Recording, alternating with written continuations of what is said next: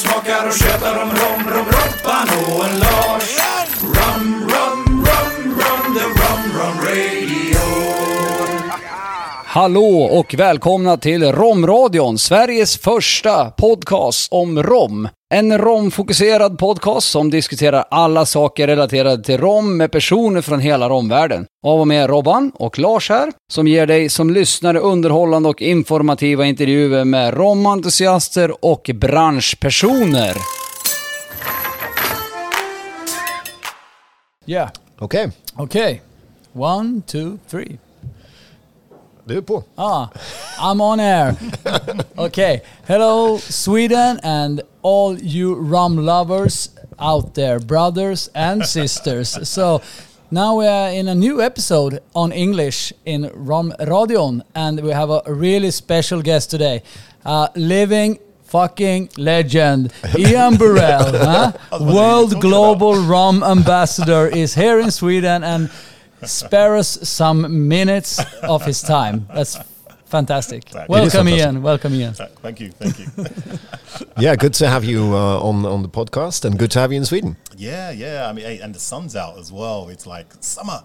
Uh, Yeah, it's like- you you brought the Caribbean sunshine. yeah, Are, are you in shock? Uh, no, funny enough, uh, I've, I've been to Sweden uh, over the years a few times, and uh, one of my best experiences was working with Appleton Rum down in Malmo. Okay. Uh, And the sun was out. It was a we had a beach party in the square. Oh, Uh, nice. Oh, yeah, yeah. beautiful women, and uh, and yeah, we were just having good fun playing volleyball and drinking Oh, yeah. rum, and Papa Okay. D was DJing, and Oh, Papa D was there. I, th- I think our uh, invitation get lost in the mail. Yeah, it must have been This lost in the mail. long time ago. yeah, yeah, it sounds like it. Yeah. well, that's awesome. That's awesome. So uh, we, um, um, of course, we've done a few interviews with different people in the rum uh, industry, but um, we wanted to ask you, like, how did you end up? I mean, who, who, who is Ian Burrell to start with? Um, Ian Burrell is a uh, just a, a rum lover uh, from Jamaican parents that grew up in London. Um, that drank his first sip of rum when he was about four days old.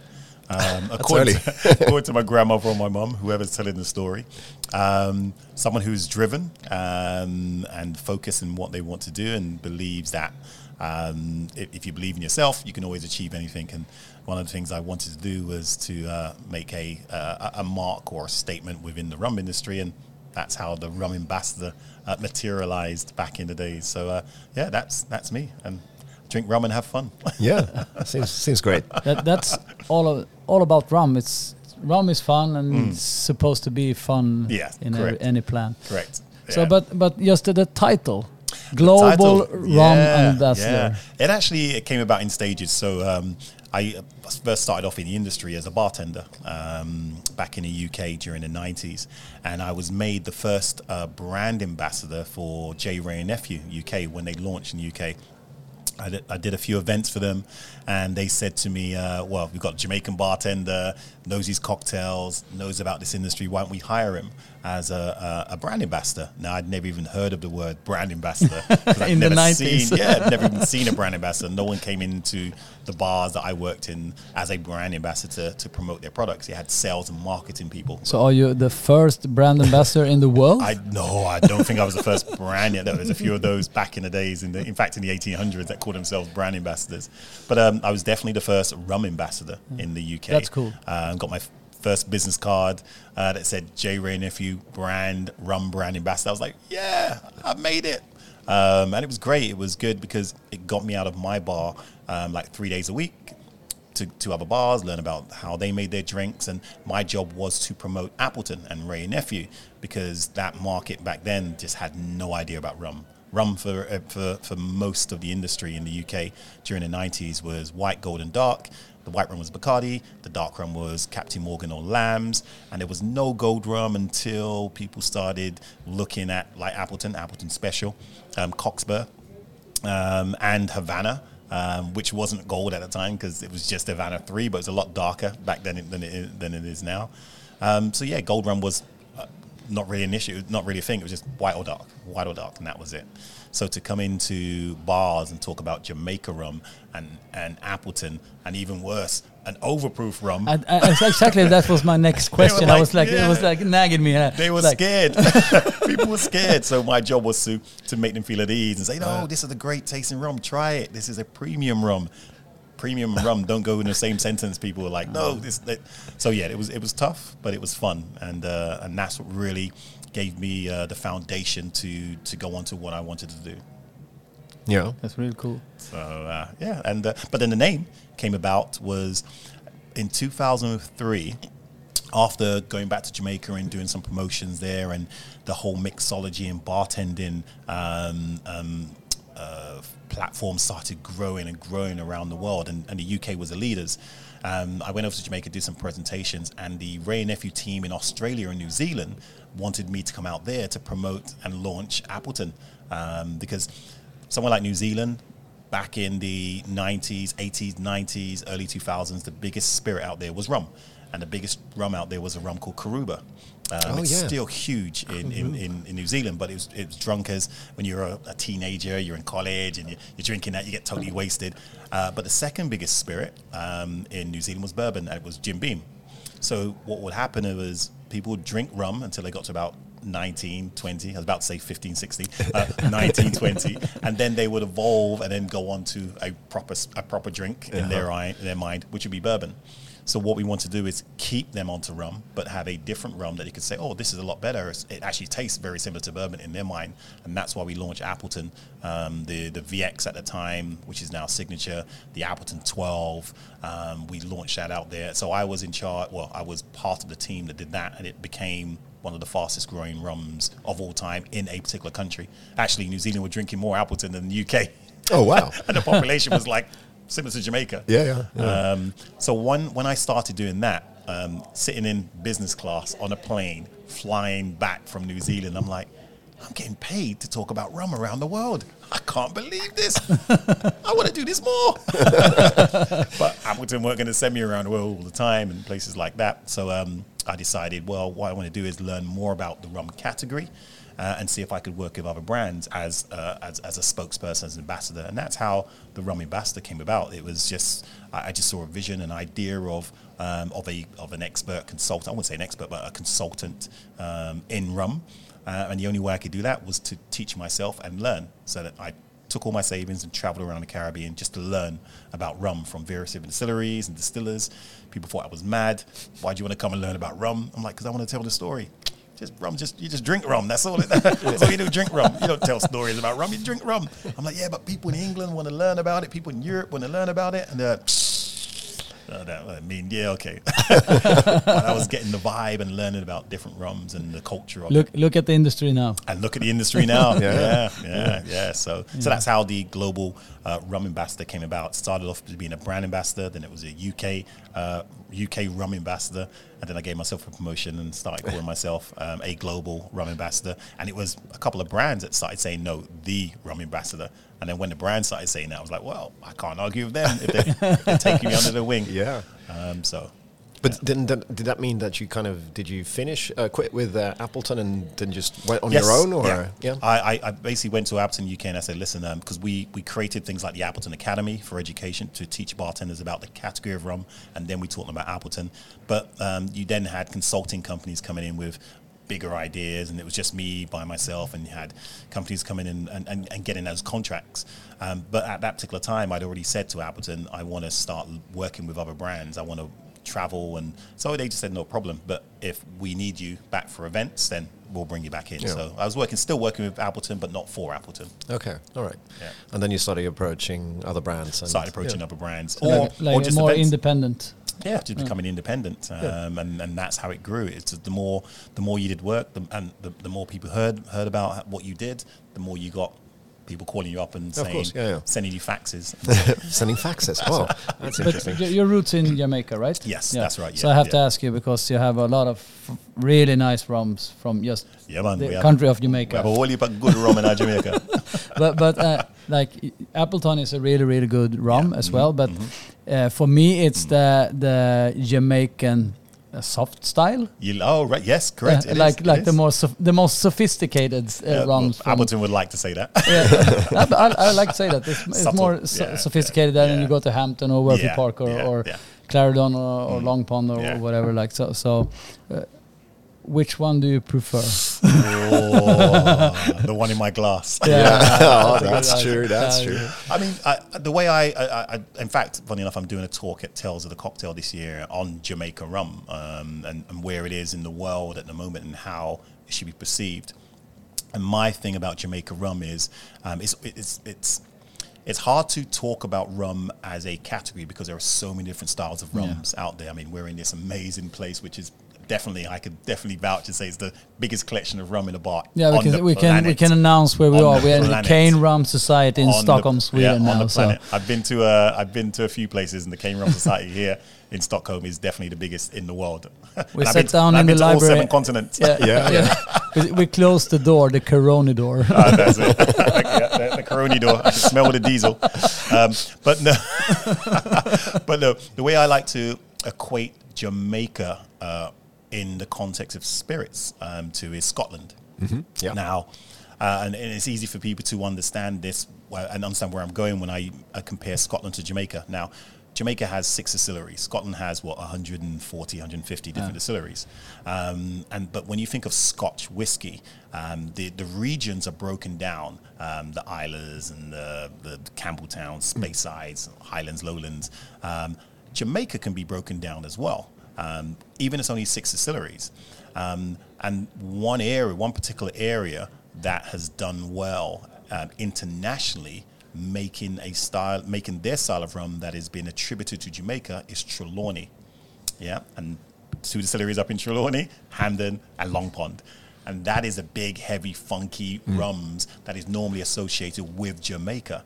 Now, let's equate that to Scotland. What are the Scotch whiskies that are really big, robust, peaty, peat monsters that normally people associate with Scotch? Exactly, When yeah. the, especially the connoisseurs, they think that is what Scotch whiskey is. But then you have the sophisticated styles of, whis- uh, of whiskey in Speyside. Yeah. Um, so if you equate like a uh, an Ardbeg to a, a Macallan, um, two different types of Scotch whiskies, but they're both Scotch whiskey. Now let's say let's compare a Hampden uh, LROK with an Appleton.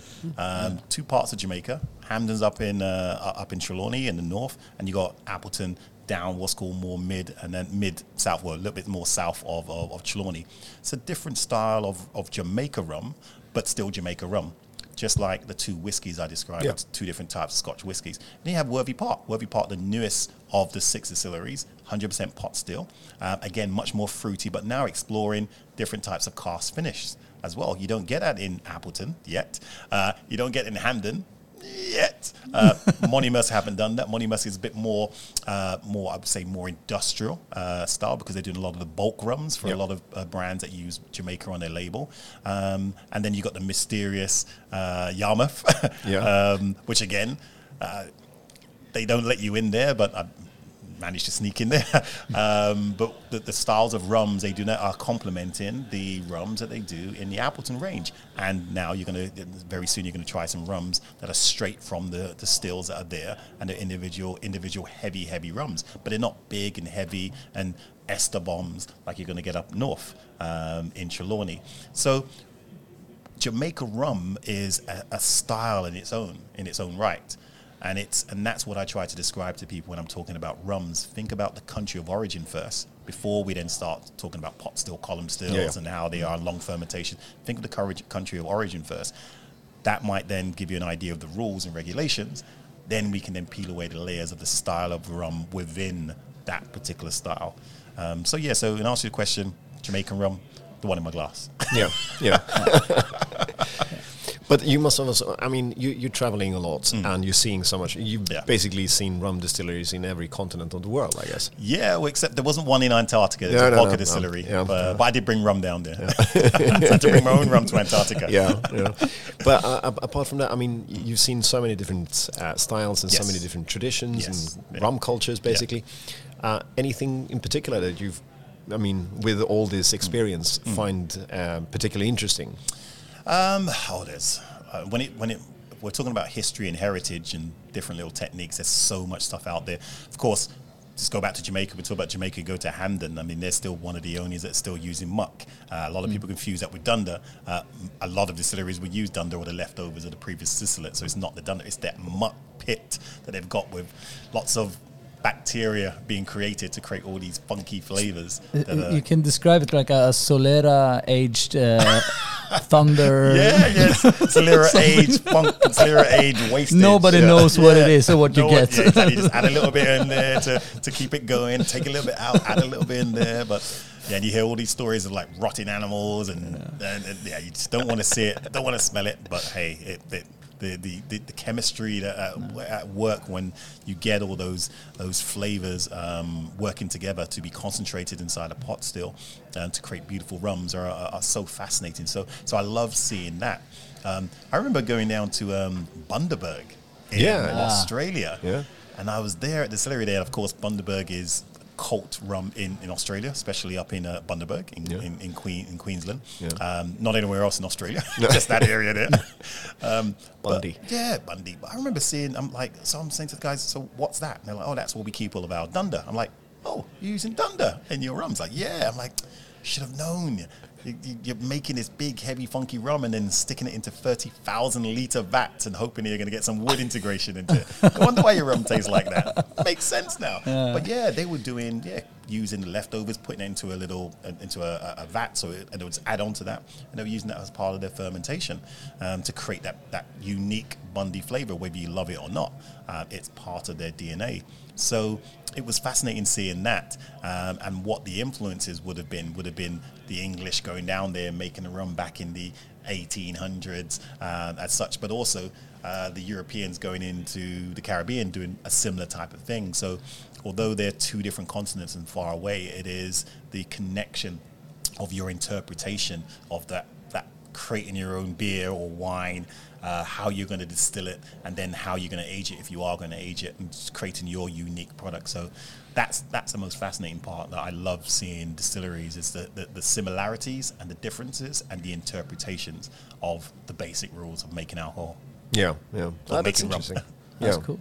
Cool. Would you say? Um, uh, uh, I mean, what was been the most surprising uh, experience in in a sense? Um, oh, you know what? It's, it's probably some of the brands that, that don't get don't, don't get too much rep um, or props, I should say, in the in the rum game. Um, let's say Bacardi, for example. I mean, one of the biggest surprises I found was going um, going to Bacardi in Puerto Rico. And, um, and and basically following one of the master blenders, uh, master distillers um, around the distillery. This is when I was doing my first rum trip, and I was just blown away because we've always been taught Bacardi's vodka. That's it. It's got devoid of flavor until you actually compare it to vodka and you realize it does have more flavor than vodka. Yeah. Um, but just seeing the passion and how they make their rum, um, the using, creating that heavy rum with their distillation equipment and then creating their redistillado, their light rums, and then the blending process of those two styles of rum to create that, that base. I was like, wow. I thought you just distilled it and that was it. Stick it in the barrel, and it was like sticking vodka into uh, into a I, I barrel. I think that's what everybody thinks. Correct. yeah, Correct. That's, And that's the rumor. and that's the yeah, and it's rumor, but the, the techniques and the uh, and the method of making that style of rum that's been passed on from Cuba uh, to Puerto Rico from the generations of making that lighter style of rum is is something that is attributed to their style, um, and that was fascinating and eye opening to me because I went in there expecting yeah, it's just going to be yeah, it's going to be like going to uh, watch Ketel One being made, yeah. something like that but no, it was like, wow, okay, uh, I see what you're doing. I see what you're doing there, and understand why you make your rum your that particular way. And they've been successful with that because they are one of the biggest brands in the world, let alone biggest rums. Um, but what I always try to remind people is rum drinkers is it's a Puerto Rican rum. It's not a Jamaican rum. It's not a Barbados rum. It's not a Martinique or Guadeloupe No. rum. It's a Puerto Rican rum. If I gave a Puerto Rican uh, a shot of Wray Nephew, they'd probably shoot me. Yeah, yeah. Like, I got gente, what's this? Kick me out of the bar or whatever. To them, that's not rum. Uh, rum is that light, light, easy drinking product. They'll drink either straight, or they drink it with beer, um, or they drink it in their Coke um, or in its cocktails. That's what I think is, is so interesting. uh, Exactly what you're saying right now, because when you visit these uh, Caribbean islands Mm. or whatever, where you have a, such a strong uh, rum culture and history, Yeah, yeah. they're so focused on their own style. Yeah. And what we get here in Europe, Mm. or let's say in the US or somewhere, uh, where we don't have that much production ourselves, Correct, yeah. is that we get the whole diversity. Yes, And for yeah. us, there's so much to choose from, Yeah, which is fantastic. And and you'd be surprised, uh, and this is only a, a- a new thing that's happening. Um, a lot of the the people that are making rum, blending, um, never left their islands. Yeah. So and they never really they may sample a few rums that get sent to them, and they put it. They have I, when I go into different laboratories, I see lots of different bottles of rival brands, and then they're testing them out and that type of stuff. But they didn't travel. They didn't go to the distilleries and see how these rums were made and, and immerse themselves in those cultures. And i i remember saying this to someone one time, and they're like, "Oh, that can't be true." And I say, "Listen, you've got more experience in other rums than that particular master blender does." Like, what are we talking about? This person's been making rum for like 30, 40 years. Yeah, but they've been making their rum, and they've been on their island, and they've probably been off the island once. In fact, I know they've only been off the island Yeah. once. But you've traveled around to various different distilleries and tried rums in different countries, although you're from Europe. But you've tried them in those particular countries, and you've immersed yourself in those cultures. So you've learned more just by traveling. Now, today, we're seeing blenders uh, who become brand ambassadors, distillers that are brand ambassadors that are traveling to other countries. and traveling master blenders, Uh, yeah, like yeah, correct. like They're trying- consultants. Correct. Yeah, they're trying other rums, and Yeah. and before I created Rumfest back in 2007, there was no fair for people to come for blenders to come and meet each other Mm. and sample and taste rums with each other. Um, some when I'm I used to see people like. Uh, Nestor Ortega from Santa Teresa in Venezuela chatting with Richard Seale uh, in Italy at a rum fair that basically was influenced by my rum festival in London, and they're there talking about uh, well, Nestor's talking about his aguardiente that he uses his blend, and Richard's like, oh yeah, that yeah, it's not for me, but I understand where you're going, that type of stuff. But that's the base of the rum that makes a great Venezuelan rum, um, as such. But just seeing these two guys talking um, that had never met each other before, that had both been making rum for many years, was just for me, it was just a, beau- a, a, a beautiful sight to see. But, but I mean, Ian, you're you're a bartender from from start. Yes, right? yeah, from- and yeah, as well yeah. as I am. So so I mean, if you s- just work in your bar where you started your career and just do your own cocktails Correct. and never see anything else and Yeah. never drink anybody else Yeah. cocktails, you're Yeah. never gonna be a good bartender. Oh, correct, and, and, and that's the reason why uh, that's the reason why I loved it when I was offered the job to become a brand ambassador because although I, I felt I was king in my bar, three days a week I'd have to wear a suit, tie, oh my god, uh, and go into other bars and just sit down there and watch other bartenders working, and I, that was university for me. I was like, wow, I've never seen that technique before. I've never seen that. I'm going to use that. I'm going to plagiarize that. Exactly. Um, I was learning different techniques and different styles, different presentation uh, Back skills back as well. then, you didn't have uh, Instagram or YouTube. or, Instagram, no I mean, you have to then you have to live it. Correct. Yeah, Yes. yeah, there's Yeah. no Do other it, way. live it, uh, Hundred see percent. it. Yeah. Hundred percent. So- Hundred percent. Time changes. Oh, yeah, time changes too quick. Time too change quick. too quick. Yeah, it's crazy. Still, I'm 25. I don't know. No, yeah, yeah. now you have now you have rum experts that have been drinking rum for like three weeks because uh, Exactly, they've been online and they said I know everything. I've just read it all online. I'm like, okay, yeah, don't believe everything. Oh, that's uh, that's an advice for you guys at home. Don't But- believe but, everything. I mean, I You read online, yeah. You have a mega made, made a really really big impression for the rum industry in the world.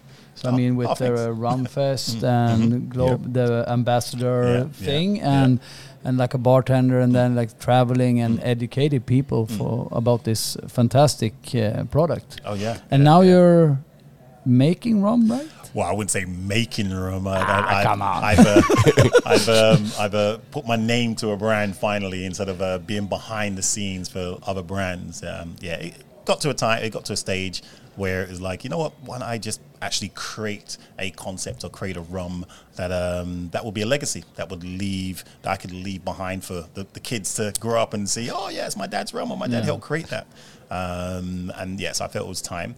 Um, at, I was at that stage of, of my, my made up career um, to actually yeah to create create my own brand um, as such, and uh, very happy with where it's gone in the three years that it's been in existence. Yeah, it's crazy. So- it's quick. oh yeah, was too quick. In fact, too quick. It's cool. It's cool. I mean, all the things you've done for the industry, and you have done like rum fests and education all over the world. How you gonna do? Like, how you gonna break this? Wow. What, Uh, what's your next What's step? the next thing? Someone said I need to do some rum masterclass in space. Uh, uh, I might, I might have to do that. Um, apparently, there's a, uh, in fact, not apparently there is. Um, these scientists did some research back in 2013 or 14 where they were, um, they were analyzing the black hole. Uh, out in space and, and parts of the galaxy. They came up with this research where they said we can analyze the flavor of deep space, uh, and it's raspberry and rum. I'm like, what?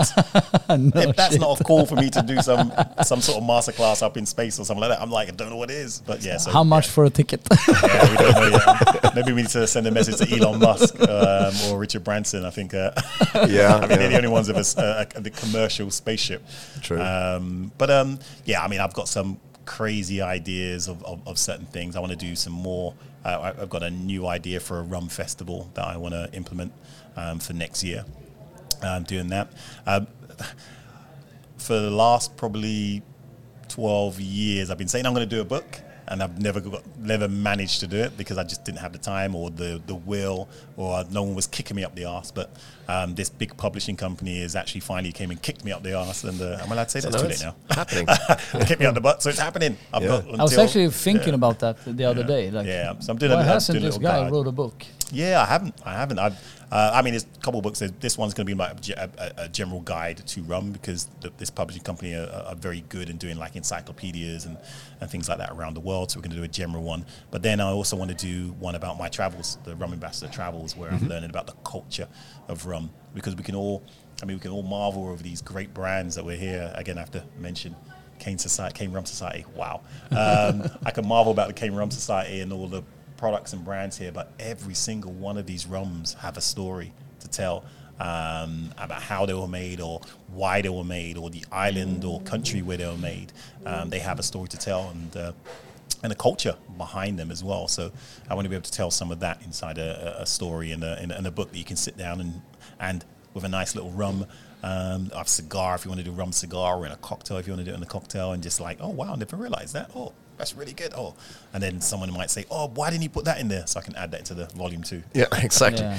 Well, but it's it's it's a nice because then you can kind of connect uh, your drink to. Yeah. w- w- what are you drinking, why does it taste like Yeah, it does, yeah. and you know this whole story that we all like yeah, to tell. Yeah, and and and a book that will be for everybody. Yeah. um, because we all know a lot of rum geeks out there, but Yeah. the rum geeks are the minority. in Yeah. the rum geeks, you don't you, you don't uh, get rich on the rum geeks. Correct. Where did you hear that before? I heard someone else said that. Someone said it recently. That's true. That's someone true. said that recently. I can't remember. Where, would you let you listen to that? Would you listen to that? I don't know. Someone no, someone literally said that to I me. just know that. Oh yeah, yeah you don't get rich on the rum geeks. No. Um, that's why with Equiano, when I was saying to Richard, I was like, Richard, that's what I wanted to be. He was like, no, I'll make it stronger. I'm like, no, Richard, uh, I want it to be for, I want it to be a rum for the many, not for the few. And that's the slogan of a political party in the UK. They say, we are the party of the many, not, for the few. So I'm like, right, I'm going to make a rum for the many, not for the few. Um, so I get rum geeks saying, oh yeah, Ian, this is nice, but it should be stronger. I'm like, yeah, but it's not for you. Well, it is for you, but are you going to drink it? Yeah, but it's going down too quickly. Good You're gonna drink more. Correct. yes, yes, yes. Okay, ah, that's exactly. Oh, that's um, that's the the old truth. Yeah, The old yeah. truth. Yeah. I think we can chat all day, but uh, do you want to explain the Yeah, Equiano? come tell what, us, what, uh, uh, what, uh, what it is? Yeah, What you what e- have you done? Equi- oh, what have I done? um, so, um, so I, um, I was approached by my two business partners, um, Aisha and Amanda, and they they actually were. Uh, well, Amanda had an idea of doing a rum because she was she invested in a whiskey company, and she said, "I want to do a rum." And someone said, "Well, you need to speak to Ian Burrell." So she approached me and says, "I want to do a rum," and she gave me her ideas, and I was like, "It's not gonna work." But I'll take your money. You want me to be a consultant? Um, but the more I started um, listening to her, and then fi- and then and then got to meet Aisha as well, it, it got to a stage where I'm like, you know what, this could be the team, the start of the team that I was looking for to actually help me to get a brand, the type of brand that I really want to put out there, um, as such. So we were floating ideas, we we, brainstormed. Um, and then we came up with an idea of doing instead of an African rum, which was initially what we were going to do, it was going to be an African Caribbean rum because in the UK that's my ethnicity, African Caribbean. um, and no one had ever done an African Caribbean rum before. Um, and, and I like when no one's ever done something before. I like to be the first to try to do that. Um, and also, it gave me a chance to try to call uh, Mr. Seale and say, "Hey, Richard, I got this idea to do a rum, and we need some Caribbean rum. Can we use some of yours inside there?" Um, so yeah, so it was a it was a, a, another way to get to work with with Richard. Um, a lot of people say to me, "Why didn't I go Jamaica? You're Jamaican. Why don't you go Jamaican?" And I'm like, "Soon come." Soon come. okay. soon come. So um, yes. so um, yeah. So um, so the rum, the African Caribbean rum, was going to be a blend of rums from the African continent and the Caribbean region. So we knew the Caribbean region, but the African continent was going to be more challenging because although there are 54 countries in, in Africa, um, not all of them produce sugarcane, and the ones that do produce sugarcane don't really use it for rum. They make local spirits um, from everything from vodkas to apet- uh, apateshi, apateshi, I think it's called. If anyone's from Ghana and hears me saying that, I apologize for butchering your national spirit. Um, but they from local local spirits in, in places like that. But there are a few countries that actually have been influenced by Europe, especially, um, that will make rum as we see it on the international market. So um, South Africa is one, a couple of distilleries there. Um, Seychelles, Satellite Island, Indian Ocean, um, but still part of Africa. Um, you've got a few other places, and Mauritius. Mauritius naturally uh, been influenced by the French and the English and the Dutch uh, as well. And I'd, I'd, known about Mauritian rum from about since about 2008 when I went out there to check out the distilleries and learn more about their styles of rums. And there were a few distilleries there that had a lot of potential. Um, but their rums are getting better and better and better uh, and quickly as well. So um, yeah, I approached uh, New Grove, uh, the Grays Distillery, sorry, mm-hmm. and uh, I knew they had some good molasses rums aged in French oak and American oak, and um, played around with some of the blends they had, blended with some Foursquare rums in my kitchen. I was like, yes, this is what I want. And I gave that sample to Richard. I remember he was in the hotel in um, Hilton Hotel in Paddington when he was over, and I said, "This is what we want to. I want Equiano. That's not. It wasn't called Equiano then. This is what I want the rum to taste like." And he sampled it. It's like, yeah, don't give up your daytime job. but uh, I know what you want. I know what you want. Um, yeah, and that's how that's how the actual blend started. The liquid started, and Richard then started it. Once we got hold of the the, the, the, the rum from Mauritius, it was a ten year old cognac, uh, ex cognac barrel uh, rum. Richard then got that and it started blending it with his rums um, and came out with our first batch um, of Equiano. Um, the name Equiano came about when we was floating around with names. We actually had another name before. I'm not going to say what it is because we might want to use it for something yeah. else in the future. Oh, it's good to keep but, in but the it pocket. sounded it sounded too Spanish. That's what Richard said. Richard said it sounds too Spanish. I'm like, so we got rid of that. Um, and then it was like it was like an epiphany. It was like Equiano called down to us and said, "Call your rum after me. I'm African Caribbean." Well, I'm African, but I went to the Caribbean. That's how I got my freedom, and that's how I made myself. That's how I freed myself by selling rum in the Caribbean and spices. Uh, and, and, and I knew about Equiano from school, from, from school, weekend school, Saturday school. And it just seemed like the perfect fit. Call this rum after an abolitionist, a freedom fighter, because that's what the founders, us three, wanted to do. We wanted to create a rum with a purpose so we could donate money back to a charity or a foundation that we want to set up to help with um, different types of causes. And Equiano was like the father of like of, of the abolition of slavery back then. And there's still slavery going on today from around in Europe and in Africa, in Asia, modern day slavery, women being trafficked, kids being trafficked. And we just want to try to help and raise awareness, but through the, uh, a bottle of rum.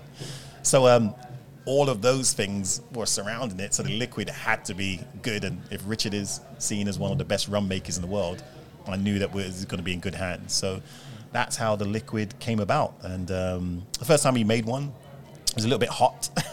I enjoyed it. I'm trying to think of the, the, the new drinker coming into The the, slogan, market. the slogan. Yeah, that's right. Yeah, yeah. The geeks will be like, yeah, yeah, yeah, this is great. And then like, yeah, but you're not buying enough bottles. You're having a bottle and keeping it on your shelf and leaving it there for years. Um, so yeah, he tamed it down a bit. Um, we agreed on 43. Um, I didn't want to go anything less. Um, he wanted to go higher, but I said, no, no, we'll say that for um, future blends. But um, some of my favorite rums that have really turned heads, um, one in particular is the Appleton 12. Um, for me, it's pound for pound one of the best rums ever created, and that's bottled at 43%. So I said, let's do it Ah, at it's a 43. great rum. It's Oh, a I great love rum, the yeah. Appleton 12, yeah. Great balance. Oh, man, yeah, Yeah. it is. It is. Um, so, yeah, so I said, if we can be in the shadow or in that type of realm, an Appleton 12, I'll be happy. I think, um, yeah, he did did a decent job. Absolutely. uh, with the blend. It's a uh, we just won another a double gold. Well, not another. We won double gold in San Francisco last week. Ah, congratulations. So uh, we've been voted one of the best rums in the world, and um, according to Forbes as well, Forbes did a big article um, where we're one of those one of the, the top nine rums. But yeah, winning double gold, and hopefully we'll get the, the they're getting all the double gold medal um, um, product together in San Francisco. Uh, sorry, in Las Vegas in a couple of weeks, and they're going to do a blind judging, and hopefully we, we'll do well in that. So we're with all the other winners, but against whiskeys, against mezcals, Yeah. um, tequilas, and that type of stuff. Not So- much. too smoky, too smoky. um, but uh, yeah, so that was that's the that was the whole idea of uh, of, of Equiano is to create a, a a rum that had meaning, had purpose, um, told a story. Um, but more importantly, we want people to discover things, discover who Olaudah Equiano was, um, the guy that was kidnapped at 11, taken from Barbados, uh, sorry, taken from Africa to Barbados and then to the UK, which is the same journey our rum makes. It starts in Africa, I goes to Barbados, and comes to the UK. I think the the whole idea with the name and the history is, is fucking fantastic. Oh, cheers, man. yeah, Thanks, it's, it's really Concept. good. Yeah, and uh, and there's even uh, if you come to London um, in Tottenham Court Road, you can see where he lived because there's a blue plaque outside his house where he wrote his book.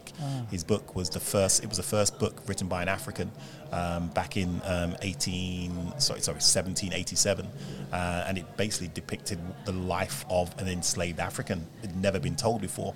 And the reason why that was important because all the stories have been told by the enslavers. Yeah. So now you have the regular person that didn't know what was going on in the Caribbean, that just went about their life in London or in Europe, and now you've got this book which is translated to nine different languages saying, "Wow, I didn't realize this." And that's how the abolition movement um, um, uh, uh, grew through books like his book uh, and other books. So yeah, we wanted to tell that story or get people to discover that story because we want to force feed it to people. It's like discover it, um, even like the coordinates on the back of the bottle. discover where the rums are from, um, things like that. And then once they do, they buy a bottle. They're helping with the cause because we donate two dollars, two pounds, two euros to our foundation, which is working with Anti-Slavery International. Uh, That's that's yeah. amazing. That's cool. amazing. That's really Ah, good. it's really good. Oh, cheers! Thank you. Now we, now we have to drink it. Oh yeah, no, we don't drink it. Yeah. I, let, I, let, I let Lars pour. He's an expert at pouring. oh, like that That's it. sound effect. Yeah, Yeah. That's, that's a good one. Ah, cheers, sir. Thank you. Yeah, it's one of yeah, it's one of those one of those rums that um, I think the perfume of the rum is one of the things that really grabbed me. As we know, 80, 80, 85% of our sense of taste comes from our sense of smell. So if a rum's got a beautiful perfume and aroma, and it's all and it's it's a Foursquare rum, so it's uh, all natural, um, then it means you're going to get some of those So flavors. there's no sugar in this one. No sugar, sin sugar, as they say, as the French would say. Yeah, no sugar whatsoever, which is surprising because it's so sweet on the nose. You'd expect a, a bit of sugar inside Yeah. of it, none whatsoever. Um, as such, it's actually just natural sugars from the woods, from the various different woods. The American oak, which probably gives a little bit more of the sugars than the French oak. Side there. Yeah, it's great. I was in, in Foursquare in last year, and uh, then I passed Oh. by a few pallets Oh, of you did? Equiano. I was like, yeah. Oh yeah, yeah, yeah, yeah. yeah. I, I, I say do the same thing when I see the pallets. There. I'm like, yes, it's got Equiano up here. And we got the new boxes now, which is nice green, so it Yeah, stand yeah. out even more, Even more, than the white bottles. Salute, um, salute. Oh, salute, Oh, Salute. Okay. But um, Cheers, cheers, the other mate. thing I always say to people when they're um, they're doing tests on, on rums and, and brands, um, the empty glass tells a lot about the Yeah, product. yeah. The empty glass, and the thing about Equiano is that the empty glass is is a beautiful taste and aroma, but then it starts to cloud up a bit as well when it starts to get warm. So it hasn't had too much filter uh, filtration in there either, uh, as well. So all that flavor is is still encapsulated inside the bottle. So. I don't like to tell Richard he did a great job too much because his head gets too big, but he did a great Keep job. Keeping short. yeah, he did a great job. He did a great job. yeah. Awesome. Awesome. Uh, it's, it's really nice. Uh, it's really. Uh, But you have Very uh, this one. This is the original, This right? one's original. Yeah. This one's the original, And the this, uh, dark. uh, yeah, the dark age. Yeah, uh, yeah. How how how Um, so the it? so if we had to put an age statement there, we'd put eight, and the reason why is because uh, the youngest rum in that Richard uses in his blends is eight years old. That's Okay. the youngest rums, um, but the youngest African component is ten. Okay. Um, so it's more like a cuvee as such, um, as such, a few rums blended together. Um, but that will change um, again um, as certain certain rums run out. He has to make sure he stays consistent with the blend. Um, so we'll probably use a little bit older rums uh, inside the Foursquare component. But yeah, it's that's why we go more of um, a blend uh, uh, age, sorry, make to a blend uh, or a recipe as opposed to an age statement. Um, the vintage one, which we're looking to release a limited edition, will have an age claim, but the only reason why it has an age claim is because that age is going to be significant to the story of Equiano. Ah. So it's going to be 11 years old because that's how old Equiano was. He was 11 when he was kidnapped. Ah. Ah, so he'll be 11 years old. The, the geeky rum drinkers will be happy. It's going to be 54% ABV. Uh, that's You're gonna sell hundred bottles. probably will. And there's only three and a half thousand bottles being created, um, but it'll be like 54% ABV because he's 54 years old when he when he died. Oh, um, As such, and it'll be again um, Not cool that he died at 54, but cool. very young. The well, story old, is cool. well, 1700, so it's quite Yeah, old. it's really. not- It's not that bad, old. actually. I think the Back average age might have been about didn't live- 43, 44. Yeah. So if you lived to 54, then you lived a, a decent life. After a hard life as well. Back then, yeah, after a hard life, he, he died wealthy um, from the the book tours and the selling of the books, and um, and uh, yeah, he, he he left a, a good amount of money for his kids Yeah, because cool. he married an English woman and then had two daughters. Unfortunately, one died very young, but the oldest daughter then remarried, uh, not remarried, married um, a, a pastor of some sort. We're trying to trace that family, but we just can't find anything. But we found a grave. Uh, Okay. where his daughter is yeah, in, in East in East London in Okay. Hackney. So we got the grave and we got um, we don't know exactly where his grave is.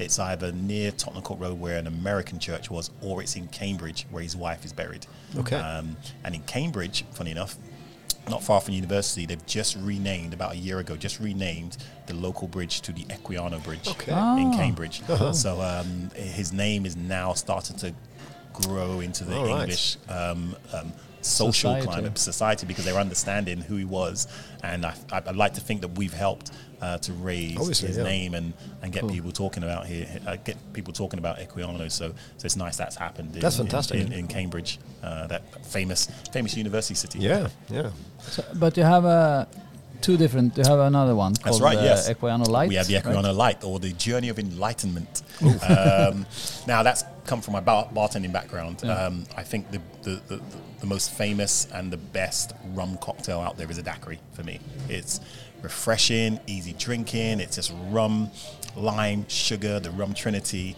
Uh, you can't go wrong, although many people do when they make when they make a daiquiri. Um, so again, we wanted to talk about that, but we also want to talk about the the rum the rum story of uh, the, the, the, the, the, products that you use to make rum, um, as in juice, syrup, or molasses, the three main uh, byproducts of, of, of sugarcane. Um, so the Equiano Light is a blend of two rums, um, a rum made from fresh sugarcane juice uh, from Mauritius. Can't call it agricole because of the European laws. Could have to be from the Department of France or Madeira um, to be called an agricole legally in Europe.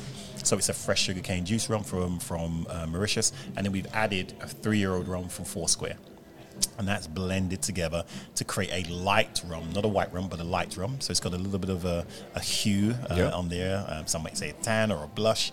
Um, looks like a reposado, as an American, yeah. as an American guy told me. He says- He's like, Ian, you know how I drink your your Equiano Light? I'm like, how do you drink it? He says, I do shots. I'm like, what? Shots? Yeah, I stick it in an ice box. I think that's a fridge. I stick it in an ice box, take it out, do shots of that. I'm like, wow, why? He's like, because it's like a reposado, man. I'm like, oh, right. because it looks like a reposado. No, it tastes like a reposado. I'm like, wow, okay. But then after tasting it, I understood it's like the Yeah, there's, earthiness. yeah, there's some green nuts from the fresh sugar and cane. the fresh sugar cane correct, juice can- correct, can- yeah. And he had never drunk an agricole before or a rum, a ah. cane Really? juice rum. So that's the reason why when he tried it, he was like, "Wow, this is different from normal rums," because he's used to drinking either rums that have been sweetened.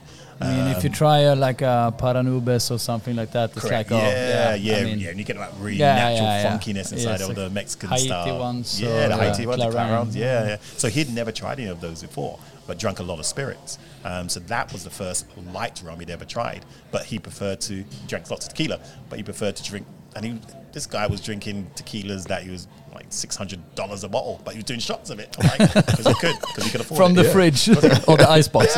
because he could afford it. I'm like, yeah, you did. You're, you're dulling down the flavor because you're freezing it. And that time, like, yeah, but that's. How. I'm like, well, you know what? That's how you like it. I can't argue. No. Do it your so, way. Yeah. So it's yeah. So we wanted to create a rum that was more earthy, more lighter, used in different ways from the original. Because when I make a daiquiri, I don't like heavily aged rums uh, in my daiquiri. Um, I like them light and fresh. I think a good daiquiri should be able to drink three or four. Um, if you can't drink three or four, it's not a great daiquiri for me. Um, and that's why Equiano Light came about. 43% alcohol, blend of two rums, Barbados, Mauritius, age, unaged, um, American oak, um, pot still, column still, uh, with um, a single column still, uh, the fresh sugarcane juice. So yeah, it's, it's a completely different product. And uh, again, uh, it just works in things like I love it in old white rum old fashions, um, but also clarified milk punches. Oh, nice. Oh, because you don't have to clarify it as much because it's it's it already clarified pretty much. Easy But work. in a clarified milk punch um, or in um, clarified pina coladas, where I'm using Ah, yeah, yeah, yeah. I do I do che- I cheat a little bit. What I do is a bit of pineapple puree, um, chocolate bitters, coconut water or coconut ice cubes, Equiano light, and stir that down. So it's still quite light looking, but you've got the flavors, of the pineapple puree uh, or syrup, and then you've got the coconut water, chocolate bitters, and then you've got really nice see-through, clearish like pina colada. And it Okay, just we're goes sitting down too easy. inside. The sun is shining. It's 22 degrees outside, Yeah, and uh, now it's talking this. Now I'm going. It's starting to get really Well, you got the thirsty. pineapple, you got the pineapple tiki shirt, uh, the exoticness. I and you got the rum. think I I think I got some pineapples in my jacket. yes. Ah, yeah, yeah, yeah. Oh, that's good. All right. So Ian, I have a few fast questions for Yes, you. yeah, sure, Yes, do that. Are you up for it? Yeah, man. Yeah, Yeah, I'm okay. always up to. We're Jamaican. We like fast. So, column or pot? Depends on who's making the rum. Okay. A good answer. Sweeted or not sweeted? Ah, not sweetened. Aged or unaged? Oh, that's a tough one. Oh, are we talking about rum now? Yeah. um, oh, I. Oh, that's tough because the last rum I'll ever drink is unaged, and that's Wray and Nephew Overproof. when people say, "What's the last rum I'll ever drink?" Um, I suppose it's like the it's like the pots and connoisseur, whoever's making the rum. Yeah. Okay. Uh, tropical or continental aging? Oh, I definitely say tropical. Although there is some great continental aging rums, so, but tropical because the best ones are from the tropics. Okay, so and and I have a, a, si- uh, uh, last question. I wrote a book about rum and coke. Oh, nice! Yeah. you did. Yeah. Oh wow! I need to get So- a copy English or is it Uh, Swedish? sorry, Swedish. Oh, man, I need we to can read it Swedish together. now. We can read it together tonight. I can translate it for you. I need to get an Swedish Bedtime story.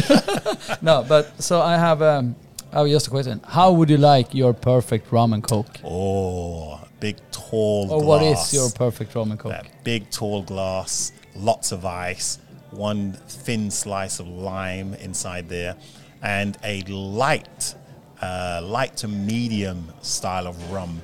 Ideally, and this is going to be very controversial. Ideally, something that is from um, from a from countries that take advantage of column stills or multi-column stills, um, and it's going to be very controversial. But Yeah. I think uh, I think the way that rum and cokes work, it doesn't have to be. I'm not talking about it has to be from Cuba or Puerto Rico or something because there's some good column still rums in Jamaica. Um, but it, the element of element of the rum has to have a lightness to it. Um, but a little bit of character just because I want it to go with the sweetness of the Coca Cola. Has to be refreshing. The bubbles have to be effervescent. needs to be hot, not the Coke, rum and Coke of the day. And uh, it, rum and Coke for me is one of the best drinks out there. It's a refreshing drink.